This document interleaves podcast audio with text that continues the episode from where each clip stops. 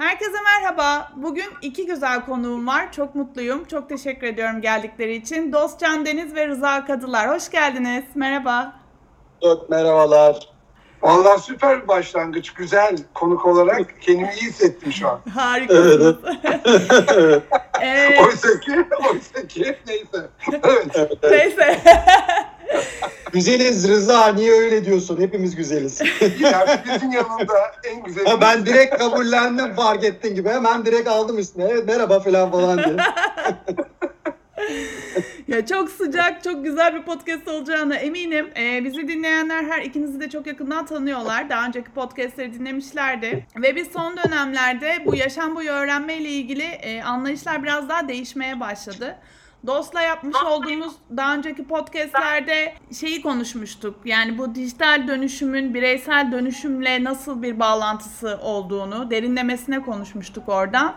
Ve Dost'un özetle söylediği insanlık ta- tarihi boyunca aslında geçmişten getirdiğimiz şartlanmalarımız var ve e, bunları ileriye sürekli olarak e, götürüyoruz.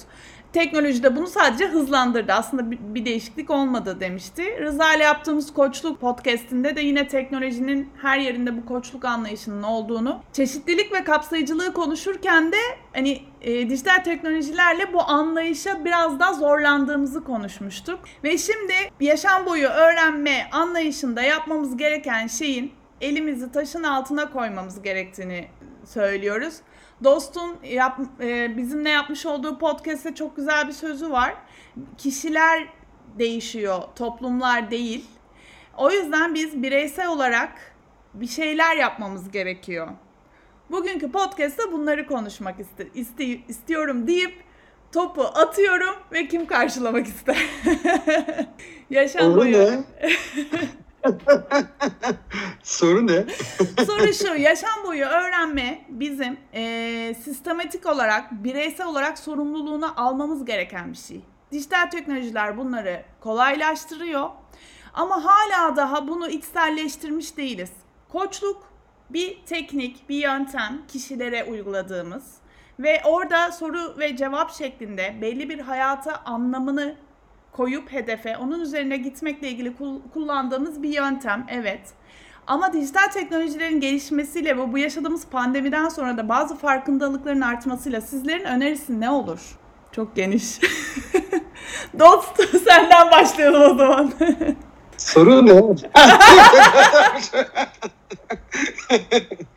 evet. ba- Bana attın topu ama ben başkanımın başlamasını bekliyordum. Peki. Sayın Başkanım. Buyurun. Sayın Başkanım.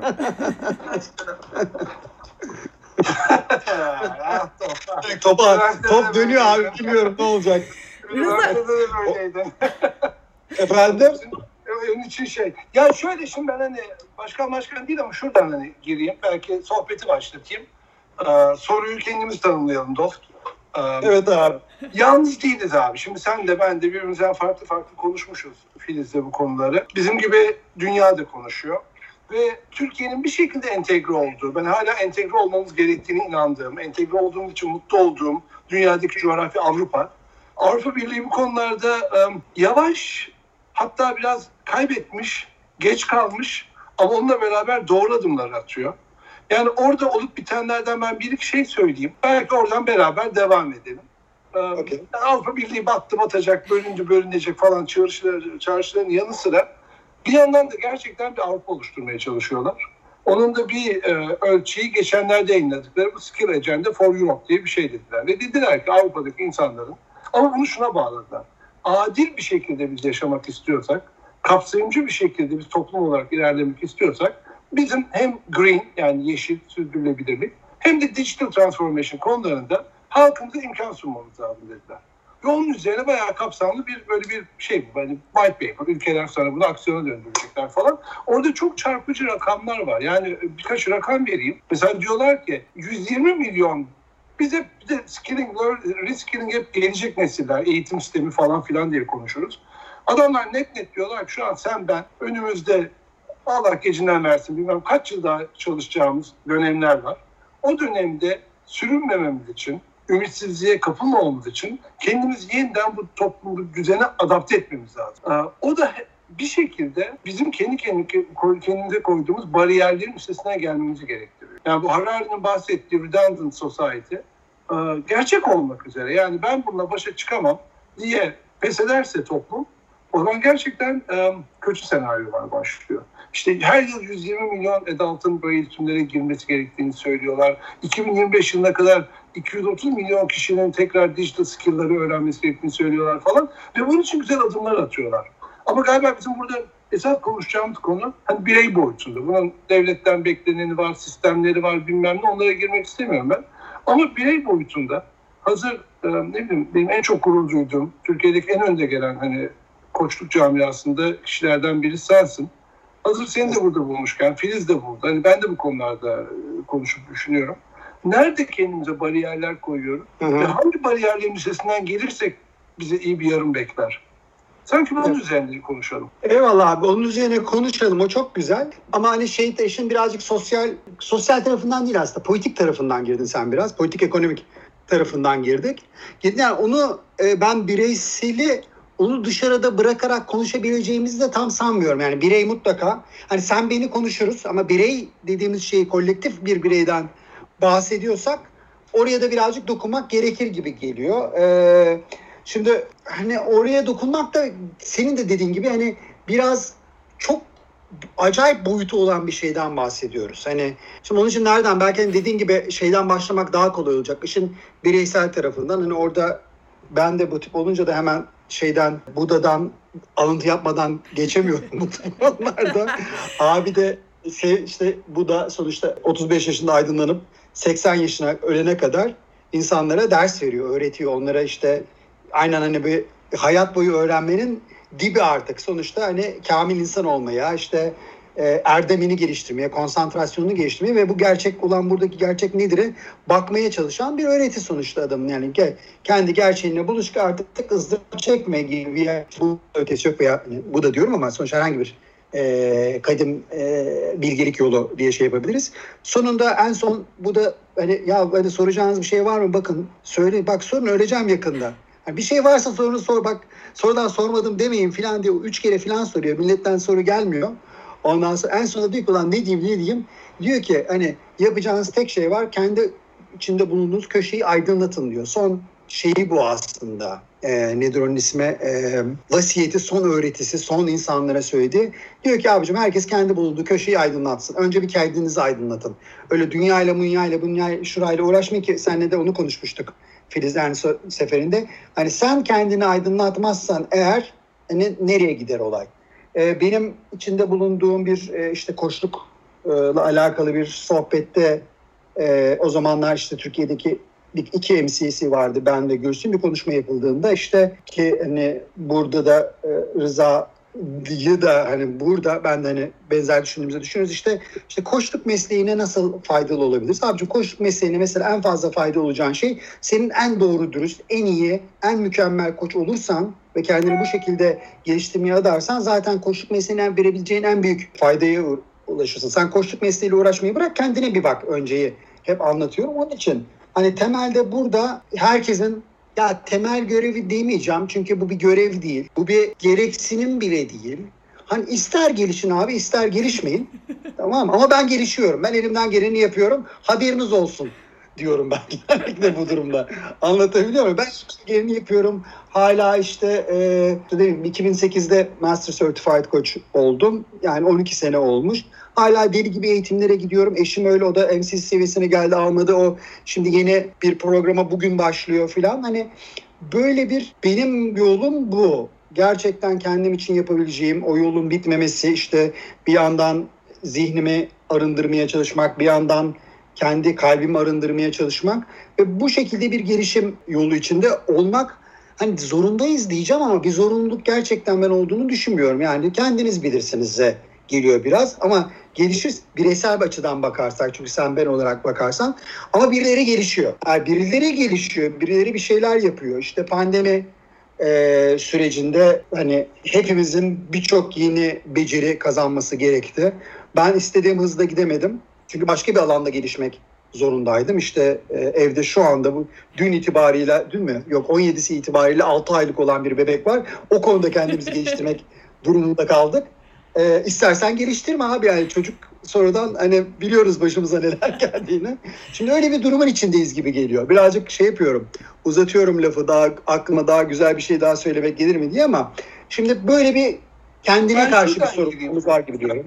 Bu gir abi lütfen. Aynen ben şuradan gireyim. Şimdi bu şeyde de ilgimi çekti. Avrupa'nın hazırladığı dokümanda da ilgimi çekti ve benim de hep desteklediğim hani e, Filiz'le de bunu konuştuk. Bir şeyde bize CV hazırlamayı öğrettiler. Ne hazırlamaya? Oysa CV, e, Ha, evet. hayat özgeçmiş falan. Evet, evet. O aslında palavra bir şey. O geçmişte yaptığın şeyler yaptığın oldu, anı oldu bir yerde kaldı. Oysa ki şu an odaklanılan olan senin öğrenme haritanda. Yani başına ne geldiğini sormuyoruz. O başına gelenleri sende bıraktığı tortuyu soruyor, soruyoruz. Şimdi biz de bir işte yeni ben bir koçluk okulu hayata geçirdim online ve bu koçluğun demokratize edilmesi gerektiğine inanıyorum.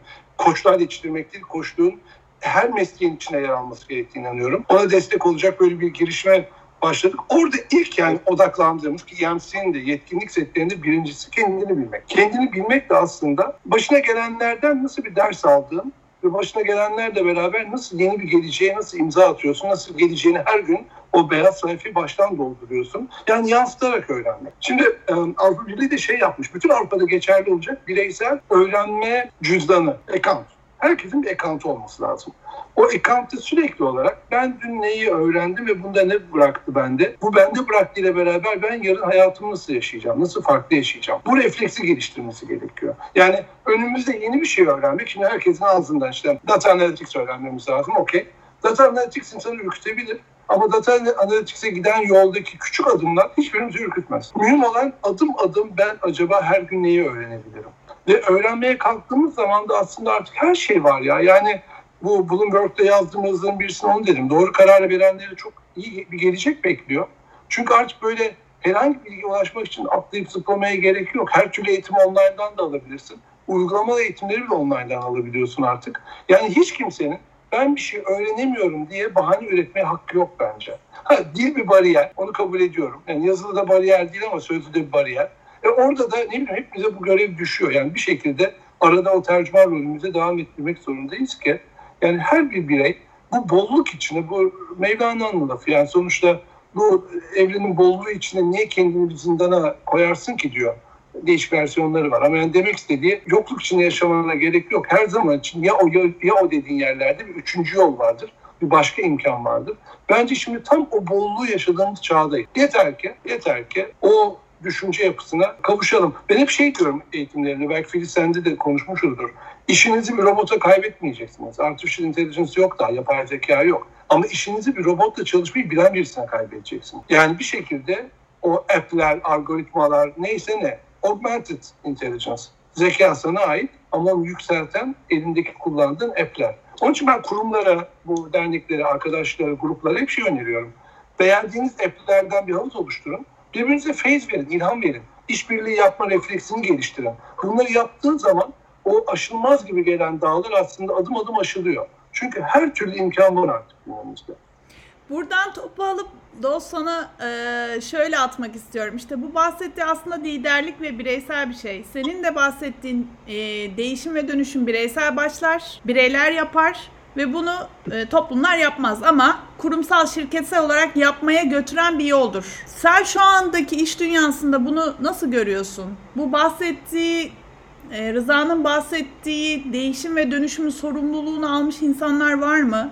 Ne önerirsin onlara? Evet. Ya şimdi onu yanıtlamadan önce şunu söylemek istiyorum biraz. Hani onu ya da çok kısaca. Tabii burada şeyi de şey yapmak lazım. Yani şu soruyu sormak lazım. Evet gelişelim. İşte yaşam boyu eğitim, eğitim de istikamet neyin de neyi yapmaya çalışıyoruz, neyi öğrenmeye çalışıyoruz. Yani bu e, sadece teknolojik olarak e, yetkin hale gelmek mi işte teknolojinin önünde veya hemen arka, arkasında kalmayıp da teknolojiyle beraber veya bir, önüm, bir, bir adım önünde git, gitmek mi sadece ve o teknolojiyi gelişimi ne için kullanacağız sorusu da birazcık önemli hale geliyor. E, benim şu anda çok sevdiğim bir laf var diyorlar ki eskiden ustalar ortadaydı fakat öğreti gizliydi, bilgi gizliydi. Şimdi bilginin tamamı ortada fakat hiçbir usta yok ortada. Anlatabiliyor muyum? Yani onun için hani bu yaşam boyu öğrenme de dediğimizde de bir anda hani birçok şeyden bir parça bilen ve hiçbir konuda usta olmayan insanlardan oluşan bir topluma doğru da gidiyoruz. Yani anlatabiliyor muyum? Ve bunun bence maliyeti de var. Hani ve o kadar hızlı gelişiyor ki ne konuda usta, neyin ustası olacağım sorusu da. Hani bugün bir şeyin ustası olmaya yatırım yap, yaptığım zaman ertesi gün bunun geçerli olacak mı gibi bir soru da oluyor. Ayrıca da niye ustası olayım? İnternette araştırdığımda zaten o bilgiye ulaşıyorum gibi. İnsanların birazcık yatay gelişimde e, takıldıkları yani bilgi toplamada takıldıkları fakat dikey gelişimde çünkü ustalık yolunda yürümek bir şeyin ustası olmak demek zaten kendini dönüştürmek demektir. Bilgi alarak ustası olunmaz. Bilgi bırakarak usta olunur aslında baktığınızda. E, sadeleşerek geriye de hiçbir şey kal bırakmayarak usta olunur. Şimdi o açıdan bir yandan bilgi her yerde var. Herkes o bilgiye ulaşıyor. Herkes bir şekilde bir şeyleri öğrenmeye çalışıyor. Fakat bir yandan da ustalığa karşı uzmanlaşmaya karşı bir uzmanlaşmak nedir? Uzmanlaşmak doğru bir kelime değil. Çünkü usta uzman değildir. Usta başka bir şeydir. Gerçek ustalığa karşı bu dünyanın içinde bulunduğu bu öğrenme şeyinin de yaklaşımının da ben bir savaş halinde olduğunu düşünüyorum. Yani bizim aslında hani bir yandan o öğrenmeyi artırır, herkesin bilgi ulaşmasına, bir yandan da ustaların ustalığın artmasını ve ustalardan öğrenmeyi de daha e, şey hale getirmek lazım diye düşünüyorum. Hani ustalığın önemli şeylerinden ölçüsü, ölçütlerinden bir tanesi birazcık tecrübe ister istem, ister istemez. Hani bu içinde bulunduğumuz toplumda elder'lar, hani deneyimli o hani yaşlılar demeyeceğim ama ihtiyarlar hani ihtiyar kelimesi elder'ı Türkçe'de biraz karşılaşıyor bir yok olmuş durumda. Zaten ihtiyarda yok sadece yaşlılar var, yaş almışlar var ortalıkta. Hani bir bilgeliğe sahip olan yaşlı insanla e, buluşma, e, deneyimli insanla buluşma ihtimali az. E, ve olanlara da saldırıyoruz. Covid bile direkt onlara saldırıyor gördüğümüz kadarıyla hani baktığımızda. Onun için böyle elderlığa karşı, ustalığa karşı da bir savaş var. Onun için hani benim e, senin soruna yanıt vermedim ama hani felsefi olarak yaşam boyu öğrenme ne demek, bilgiye ulaşmak ne demek, sorusuna e, ulaş baktığımızda ne için öğreniyoruz? Nereye doğru öğreniyoruz? Bu öğrenmenin bize ne vermesini bekliyor, bekliyoruz? Bu öğrenmenin e, sonucunda sadece geride kalmamaya çalışıyoruz yoksa e, maddi, fiziksel bir çıkar beklentisiyle mi öğreniyoruz? Öğrenmenin kendisi benim için ne demek gibi bir takım felsefi taraflarına girmemiz lazım ki bu çok ortadan kaybolmuş durumda. Benim gördüğüm kadarıyla. Şimdi hani şey çok güzel. Bu Avrupa Birliği'nin şeyini ben bilmiyordum. Rıza senden öğrendim. Ne kadar güzel. İşte biraz şeyi inceledim ben. Bu Society 5.0 Japonya'nın inisiyatifini biraz inceledim. Mesela o güzel. Onda çok güzel taraflar var. Aynen buna, buna yönelik. Belki de burada bir hükümet devlet politikası olması mutlaka zorunlu. Ve fakat bunun işte kapı e, çerçevesi niye yönlendiği konusunda da dikkatli ve e, belki de bir şeyler yapılması lazım. Senin soruna gelirsek e, Filiz hani kurumlara baktığımda herkes bir şey yapmaya çalışıyor da kim ne yapıyor, ne yaptığının ne kadar farkında, bunu hangi amaçla yapıyorla ilgili benim çok soru işaretlerim var. Hani e, şu anda hele Türkiye'deki kurumlara baktığımda çoğu organizasyon e, daha hani e, rıza katılır mı bilmiyorum. Daha basic organizasyonel problemlerini aşmaya çabası içindeler gibi gözüküyor. Daha basic teknolojik organizasyon, daha basic orga, örgütsel organizasyon problemlerini aşmaya çabasındalar. Bazı organizasyonlarda bazı vizyoner liderler gelip gerçekten aslında eski ekonomiye ait hani isim vermeyeyim ama işte benim çalıştığım yerlerden bir ekonomi firmayı işte ne bileyim bir resmen teknoloji firmasına dönüştürmeye çalışıyor bir takım danışanlarım ve firmanın içinden hani ve öyle giderse batacak o firma belli. Yani o insanların hepsi işsiz kalacaklar ve firmanın içinden özellikle alt ve orta seviyeden bunun en fazla faydalı olacağı insanlardan gördükleri direncin haddi hesabı yok. Birazcık böyle bir şeyle uğraşıyorlar. Mutlaka ilerlemeler var ama biz daha o çok temel örgütsel ve motivasyonel problemlerle uğraşıyoruz gibi geliyor bizim e, ülkemizde. Yurt dışında nasıldır çok onda da hani bundan belki birkaç adım ileridedir fakat çok da ilerledi midir onu da bilmiyorum açıkçası. Belki onu Rıza'ya atmak lazım o topu. Şimdi şöyle ilk mi? İlk başta dostun dediğine ben önce bir geleceğim. Şey çok doğru yani gidilen yol, ana strateji, biz bunları niye yapıyoruz sorusuna cevap vermeden debelendikçe aslında yorulmuş insanlara dönüşeceğiz. Çünkü onu öğlen, bunu öğlen, evde yok bir şey falan. Orada katılıyorum. O bizi biraz da aşan bir konu. Şimdi Amerika'nın, Çin'in falan kendi stratejileri var, bir kültürleri var. Bu dokümanı da yollayacağım dost. Göreceksin Avrupa'da gerçekten net bir şey koydu ortaya. Dedi ki biz bir Green Deal yapacağız. Bu aslında bizim rekabetçilik şeyimiz olacak, formülümüz olacak. Bunu destekleyen de biz kapsayımcı ve aynı zamanda dijital konusunda kendi geliştirmiş bir Avrupa yaratacağız dediler. Doğru yanlış bilmiyorum. Bir strateji koydular ortaya ve onun altını dolduruyorlar. Şimdi ona sana çok katılıyorum ve onların bir de şey dertleri var. Yani bütün kıtayı e, tek bir bütünlük haline getirmeye çalışıyorlar. Şimdi Türkiye'nin önceliği nedir? Türkiye'nin önceliği ne olmalıdır? Türkiye'nin sorunları nelerdir? Bunlar beni aşıyor. Yani spekülatif şeyler söylerim burada ama hani doğru budur diyemem. Onu bir kenara park ediyorum. Oradaki çözüm şu. Bence Türk ekonomisinin en entegre olduğu dünyadaki blok Avrupa bloğu. İhracatımız, ithalatımız, işte yabancı sermaye bilmem ne. Ne kadar e, siyasi söylemlere falan bunu destekler desteklemez ama sonuçta bizim hem eğitim sistemi olarak hem de bulunduğumuz ekonomik durum olarak entegre olduğumuz yer Avrupa. Onun için bence Avrupa'nın yaptıklarını yakından e, takip etmek faydalı olacaktır. Hani Türkiye'de o netlik olmasa bile. İkincisi de bireysel boyutta da ben sana çok katılıyorum. Benim işte birlikte hani destek olduğum şirketlerde falan görüyorum. Çok temel konularda daha çok çabalanıyor. Yani, yani biz bunları aşmış olmalıyız. Yani collaboration, işbirliği. Yani işbirliği ruhunu destekleyen ne organigramlar var ne liderlik anlayışları var. Hala silolar var birçok şirkette. İşte bu e, lokal, bu şey karantina döneminde gördük. Şirketin bir kısmı evde yatıyor, bir kısmı can raş piyasada işte mal yetiştirmeye çalışıyor falan. Ve hani o agility falan diyoruz palavra yani kimse ne hata yapmaya izin veriyor ne hatadan öğrenme şeyi var ne işte delegasyon var bilmem ne falan filan. Onun için belki de bu da iyi bir indikatör. Yani belki de gerçekten çok temel şeylerde adım atmamız lazım. Yani cross cultural olmak yani bütün dünya konuşuyor inclusive olmak.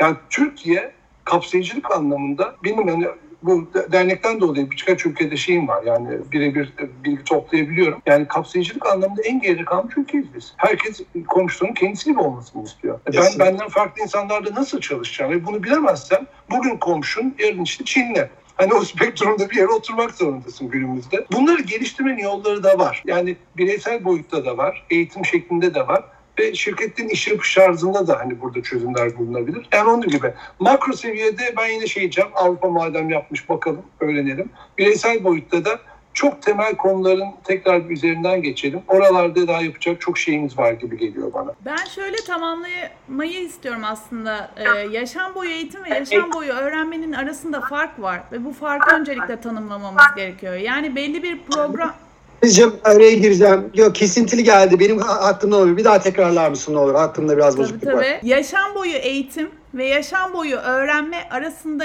bir fark var ve bunu öncelikle tanımlamamız gerektiğini düşünüyorum. Yani e, şirketlerin ya da kurumların ya da devletlerin buraya yönelip bir yere ulaşamamasının temel nedeni eğitimle öğrenmeyi arasındaki farkı ayırmamasından ve öğrenmişlikleri tanımlamamasından kaynaklanıyor diye düşünüyorum. Yani Rıza'nın bahsettiği işte collaboration vesaire bir öğrenilecek bir eğitim programından öğrenilecek bir şey değil.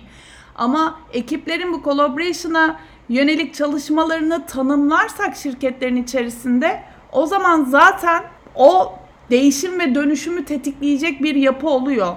Yani bunu şöyle anlatıyoruz. Yaşam boyu eğitimde ya şöyle söyleyeyim. Geçen gün de bunu konuştuk. Amerika'da bir, bir dünya kriz yaşandı. Ne yapacağız yani Trump'a kriz yönetimi eğitimi mi vereceğiz? Yani bakış açısı bu. Gel Trump'cığım sen bunu beceremedin. Bizim böyle bir eğitim programımız var. Kriz yönetimi bunu çözelim. Bu bir yaşam boyu eğitimdir ve hedefler içerisinde olabilir ama krizi çözüp oradan çıkartılan sonuçların bir yetkinlik olarak tanımlanması işte yaşam boyu öğrenme bunun içerisine giriyor. Bunu öğrenmiş gerçekten yaşayarak ve bunu bir sistemin içine dahil etmek gerekiyor diye düşünüyorum. Ne dersiniz? Ya ben şöyle bir katkıda bulunayım. Bu bahsettiğim mesela işbirliği yani çok basit bir örnek ama öğrenilen bir şey Filiz. Üniversitede ders veriyorum biliyorsun. İşte şirketlere destek oluyorum. Değişik yani aynı konuyu gerçekten işbirliğini desteklemeyecek şekilde de öğretebilirsin veya öğrenmesini sağlarsın öğrencilerin. Ya da tamamen işbirliği odaklı da ele alabilirsin. Bu şirketlerde de böyle, aile içinde de böyle. Bu senin görevin demek var. Bu görevi beraber nasıl paylaşırız yaparız demek var. Yani 17 yaşında bir kızım var yani. bu taktikleri uygulamazsam hayat çok zor. Anlatabiliyor muyum? Onun gibi bakış açısı çok önemli. O bakış açısında mesela geçen gün işte şeyde konuşmamı istediler. İnovasyon, yenilik merkezleri yapılmış. E, inovasyon olması için gerekli bir kültürün oluşması gerekiyor. O kültür sağlayacak patronun düşünce tarzı, e, hayata bakış tarzı. Yani ben işte böyleyim, evde böyleyim. Olmaz. Hani bir şekilde insan bütüncül. Bunun gibi aslında yani değinebileceğimiz çok alan var. Ve orada da çok hızlı yol kat edilebilir gibi geliyor bana. Bir şey daha vardı aklıma ama unut, unuttum şimdi. Zof bir şey eklemek isterse ben düşüneyim neydi diğer konum onu hatırlamaya çalışayım. Yani katılıyorum senin söylediklerine şey. E, Rıza bir yandan da şeyi e, mesela hani Trump örneğinden gittin. Filiz hani olayın bir teknik tarafı var. Teknik bilgi yani hani daha yatay dediğimiz işin bir de adaptif tarafı var. Anlatabiliyor muyum?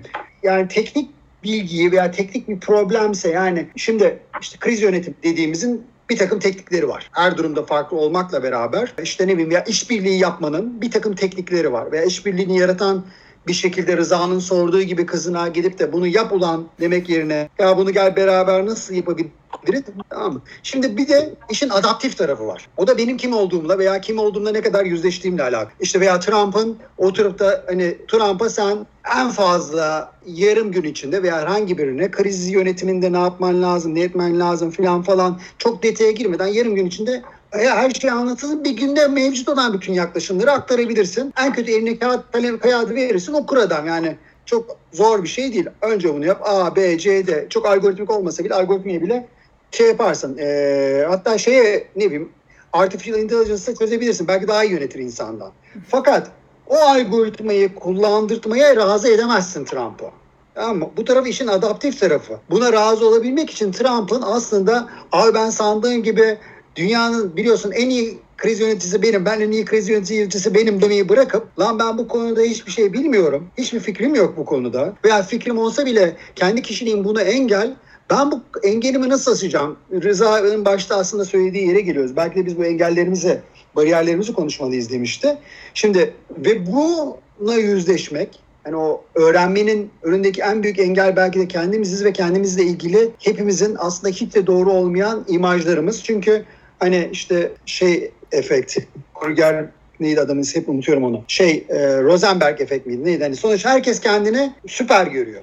Ama işte Trump başta olmak üzere ve isim listesini uzatabiliriz. O isim listesi belki kendimi de eklerim ben dost Can Deniz'i de eklerim hani diğer şeyde. Abicim senin belli bir konuda gelişebilmen için, öğrenebilmen için, o teknik bilgi hayata sokabilmen için öncelikle ben bu konuda sandığın gibi süper değilim. Ben bu konuda odundan halliceyim demeyebilmeyi becerebilmen, kendinle yüzleşebilmen, kendi kimlik tanımını e, birazcık zorlaman, kendi kimlik tanımınla değiştirmeye razı olman, yas tutmaya razı olman gibi şeylere ihtiyaç var. Bunları yapamadan o dikey gelişimi ustalığa doğru giden yoldaki gelişimi aşamıyorsun. Yoksa evet işbirliğinin, kriz yönetiminin, liderliğin, efendime söyleyeyim e, geri bildirim vermenin ulan hani 20 yıldır koçluk yapıyorum, 20 yıldır eğitim veriyorum, 20 yıldır geri bildirim eğitim veriyorum. Daha kimse geri bildirim vermeyi öğrenemedi. Anladın mı? Teknik bilgisi herkes haiz. Tamam mı? Herkes liderlik, 20 tane liderlik eğitimi almışlar kurumda. Ya hala yapamıyorsun. Çünkü bir lider olarak ben anlatınca evet dost bey aynen ben de aynısını yapıyorum diye anlatıyorsun ya yapmıyorsun abi. Tamam? O sandığın yerde değilsin. Anlatabiliyor muyum? Yani birisi bana şey deyince abicim ben bunları duyuyorum, anlıyorum fakat ben bunları inanmıyorum. Ben bunun tersini, yap tersini yapacağım diyeceğim. Hay abicim ağzını öpeyim diyorum. Hani en azından dürüst adam. Kendini biliyor. Yapmayacağım kardeşim diyor. Tamam yapma abi tamam. Ciğerimi ye. Fakat herkes bir, bir şeyde bir, e, bir kimlik tanımları var. O kimlik tanımlarımızın hepsinin kendi hikayelerimiz var kendimizle ilgili. O hikayelerin içinde hepimiz kendimize bir iyi insan rolü veriyoruz. Ee, hiç kendi hikayesinde kovboy yolunu görmedim. Herkes Kızılderili kovboy şeylerinde, hikayelerinde. Herkes mağdur. Ee, herkes iyi insan filan falan. Şimdi bu açıdan bakınca da bence gelişmenin, işte o öğrenmenin karşısındaki en büyük engel bu hikayelerimiz ve bu sonra bu hikayelere biz bu hikayeleri farkındalık olarak adlandırıyoruz. İşte danışanım geliyor diyor ki benim aslında farkındalığım var fakat işte yapamıyorum. Ya yapamıyorsan muhtemelen farkındalığında bir yerde bir eksiklik var. Sen kendince bir hikaye anlatıyorsun kendine bunu da farkındalık sanıyorsun diyorum. Anlatabiliyor muyum? Yani birazcık buralarda şey yapıyoruz işin. Burada bizim çalışmamız gereken şey teknik bir değişim mi? Yoksa bir adaptif değişimden, kendini yüzleşmeye gerektiren bir değişimden mi bahsediyoruz'a bakmak lazım gerçekten. İşte benim ilk baştan beri iddiam adaptif değişim olmadan o teknikler gelmiyor. Gelirse de bir işe yaramıyor. Yarasa da işte küçük adımlar oluyor falan. Adaptifte de şöyle bir şey var. Yani çok mikro söyleyeyim. Koşuk ve mentorluğa lafı döndüreyim istersen Filiz. Şey, ya şefkat, öz şefkat veya merak. Merakını nerede tutacaksın? Hani bunlar çok temel, herkesin birbirini yargıladığı bir toplum ben okeyim sen okeysin diyebiliyor musun? Kaç kişiye diyebiliyorsun? Hangi ortamda bunu diyebiliyorsun? O yargılayan sesin seni hep engelleyen bir ses aslında. İnsanları biliyorsun işte yani bu İşte Tav'da da böyledir değil mi? Gücü böyle tanımlıyor transaksiyon analiz. Ben okuyayım sen okuyayım dediğin anda güçlüyüz. Bu yaprakta yani sudaki balık gibi mücadele etmiyor, kavga etmiyor suyla. Onun gücüyle beraber. Biz hep gücü nasıl tanımladık? Ne kadar rezistansın üstesinden gelirsem o kadar güçlüyüm. Rezistans olmadığını düşün, hep beraber attığımızı düşün. En büyük güç o değil mi zaten? Yani bu tür şeyler çok temel bence küçüklükten beri kalıplar bize yerleşmiş, işimize yaramış. Okey yani o sınavlara girmek zorundaydık. İşte bilmem kaç kişi oraya girmek, girecekti. Onları geçmek zorundaydık falan. Elitist eğitim sisteminden geliyoruz. Okey bütün bunları kabul ediyorum. Ama günümüzde artık hem teknoloji hem ekonomik düzen hem de Asya'nın yükselişi oralarda engeller oluşturmaya başladı. Biz gerçekten hani o kapsayıcı düşünce yapısını kendimize koyarsak o sadece insanları kapsamak, kültürleri kapsamak değil. Senden farklıları da kapsamak, kendini de farklı bir yere çekebileceğin özgürlüğünü kendine vermek. Ee, söylemesi kolay, yapması zor ama yani birazcık değişsek kendi kültürümüzde yani Türkiye'deki folklorik kültürde o kadar çok öğeleri var ki bunların. Yani çok uzağa gitmeden de güzel örneklerle kendimizi sanki geliştirebiliriz. Ustalığa katılıyorum dost ama ustalık da göreceli bir kavram. Yani ben kendimce kendi ustam olduğum zaman ve kendimle barışıksam ama bahsettiğim illüzyona düşmeden, çevreme zarar vermeden yeterince de her zaman için bir öğrenci olduğumu, bir talebe olduğumu görebiliyorsam zaten hiçbir usta ben ustayım demez ki. Her usta değil mi? Gerçek usta öğrenme yolunda devam eden kişidir. Yani o alçak gönüllülüğü, o kendini bilmeyi, yani bunlar aslında bizde olan kavramlar. Ama bunlar biliyorum kariyerin bir aşamasında işine yaramıyor. İlla ki hırçın olacaksın, illa kavga edeceksin. Öyle bir toplumdasın, onları ezmezsen ezilirsin falan. Ama yani öyle bir noktaya geldik ki ezen de ezilen de aynı yerde. Şeye de katılıyorum, ciddi bir panik var. İş dünyamız gerçekten bence şu an hani acil ve önemlilerle uğraşmaya çalışıyor. Hatta neyin önemli olduğunu bile bilemiyor. Bunları böyle afak konuşuyor durumuna düşmek istemiyorum. Ama büyük bir ihtimalle, büyük bir çoğunluğumuz bir 5, 10, 20 bilmem ne yıl daha yaşayacağız. O zaman bugün acil ve önemli dediğimiz şeylerin aslında o kadar da hayatı bitiren şeyler olmadığını göreceğiz. Bitti dediğimiz yerde bir tür şey başlıyor. Yani yeter ki bu bolluk duygusuyla hayata öyle bakalım. Yani özgüvenimizin yüksek olduğu, merakımızın doğru yere kanalize olduğu, hem kendimize hem çevremizde şefkat duyabildiğimiz bir düşünce tarzına geçelim. Yoksa dalga dalga gelecek bunlar. Covid bitecek başka bir şey başlayacak. Sürekli böyle işini, varoluş nedenini kaybeden insanlar durumuna düşmek zorunda kalacağız. Düşmeyelim. Emeklerinize sağlık, ağzınıza sağlık. Öğrenmeyi öğrenmek demiştik. İşte bunu çok daha derinleştirmiş olduk. Ne kadar kişisel bir özelliğe bağlı olduğunu çok güzel örneklerle anlattınız. Çok teşekkür ediyorum değerli vaktinizi ayırdığınız için. Son olarak söylemek istediğiniz bir şey var mı? Dost? Ben söyleyeyim. Ben söyleyeceğim önce. En son dosta bırakacağım sözü. Çünkü ilk ben konuştum. En son dost bitirdi. Biri seninle konuşmak, sohbet etmek her zaman bir zevk. Aa, Dostla da bizi bir araya getirdin. Çok müteşekkirim. Yine yapalım. Biriksin biriksin konular böyle paylaşalım. Teşekkür Harika. ederim. Ben teşekkür ederim. Dost. Süper. Bu arada tabii Rıza benim üniversiteden sınıf arkadaşım. Onu da. Gerçekten bunu Hayır dost bilmiyorum. benim üniversiteden sınıf arkadaşım. Hayır Rıza benim. evet. Hani o şeyden, ODTÜ endüstriden aşağı doğru az yürümüşlüğümüz yoktur Rıza'yla. Şöyle söyleyeyim. Yakın arkadaşım bir de. Yani herkes aynı dönemde okur. Herkes aynı bölümdedir. Evet, Benim evet. o zamandan hatırladığım en yakın 2-3 arkadaşımdan birisi dost yani. Tabii, tabii Gerçekten yani, evet. bunu bilmiyordum. Aa şok oldum Tabii, şu an. tabii. Çok kişi bilmez. Tabii, Ve tabii işletmenin oraya beraber aşağı yürüdük Rıza'yla. Aynen. Benim de herhalde son söyleyeceğim bir gerçekten hem Rıza ile hem seninle beraber olmak çok güzel Filiz. Hani öğrenme kelimesinin işte birkaç tane karşılığı var. Öğrenci olabilmek. Bir de demin Rıza çok güzel bir kelime kullandı. Talebe kelimesini kullandı.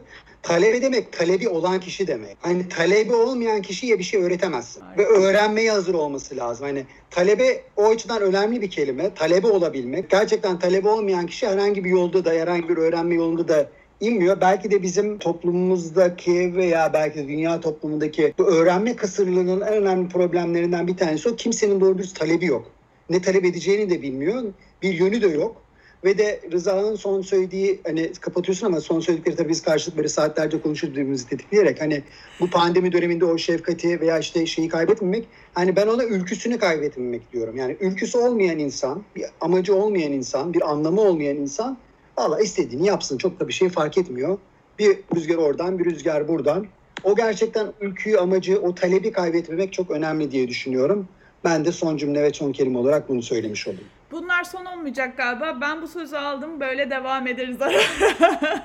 çok teşekkür ediyorum. Kendinize çok iyi bakın. Görüşmek üzere. İyi, Hoşçakalın. Çok teşekkürler. Bay bay.